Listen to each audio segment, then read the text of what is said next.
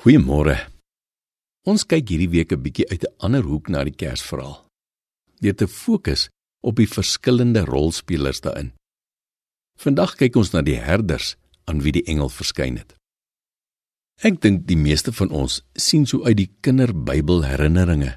Die herders in die veld is 'n paar ou manne met bruin gebrande skaapwagtergesigte en baie plooie van die son.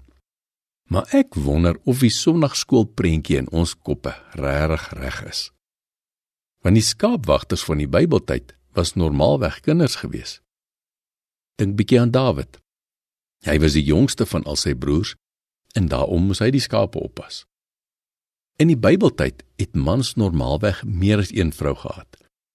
Dit was die rede dat daar normaalweg baie meer kinders in 'n gesin was as vandag. Die gebruik van die tyd was dat die ouer en slimmer seuns ruim voorkeur gekry het om skool toe te gaan om by een of ander rabbi te gaan leer. Die jongetjies en ongelukkig ook meestal die dommer kinders is eenkant toe gekeer om ambagsmanne te word of handearbeiders vir die harde werk. Dit was ongelukkig die heel jongstes en die domstes wat die skape moes oppas.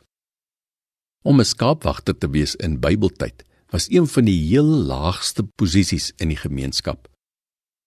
Dit verstom my dus dat die Here God 'n engel sou stuur om die belangrikste boodskap van alle tye wat ooit aan die mensdom gebring is, juis aan skaapwagters te bring.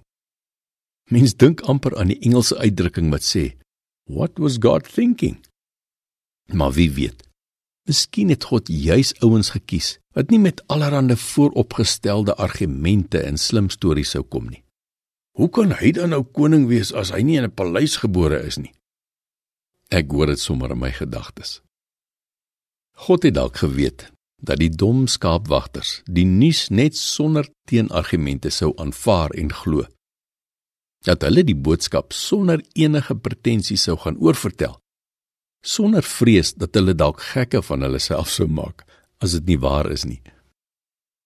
Die vraag is nou net: Is jy bereid om ten spyte van die nederige skaapwagterposisie waarin jy jou bevind en hoe onbevoeg jy ook al voel te gaan vertel dat jy die koning van die heelal met jou eie twee oë gesien het?